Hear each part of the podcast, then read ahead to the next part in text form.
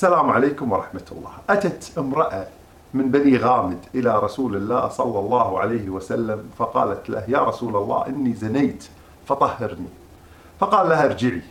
ثم أتته مرة أخرى فقال لها ارجعي. ولما ردها أكثر من مرة أتته فقالت له يا رسول الله إني حبلى من الزنا.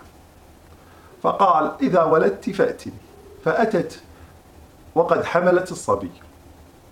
فقال لها أرضعي فإذا فطمتيه فأتني. فلما أتت أقام عليها الحد. لكن تلك المرأة حينما أقيم عليها الحد صلى عليها رسول الله صلى الله عليه وسلم ثم دفنها. الله الذي خلقكم من ضعف. بعض الناس يحتقر العاصي يعتقد أن العاصي هو شخص عدو لله ورسوله. وفي الحقيقة كلنا مذنبون كلنا أهل المعاصي.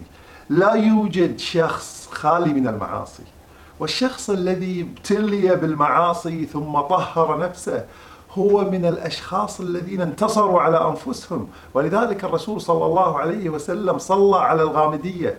ولذلك قال لقد تابت توبة لو قسمت على أهل المدينة أو على عدد كذا من أهل المدينة لوسعتهم. ومن هم؟ هم الصحابة الذين سكنوا المدينة. أيها الناس أنتم الفقراء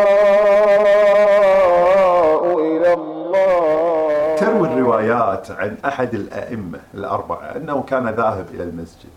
فوجد صبية يلعبون ولم يذهبوا إلى الصلاة.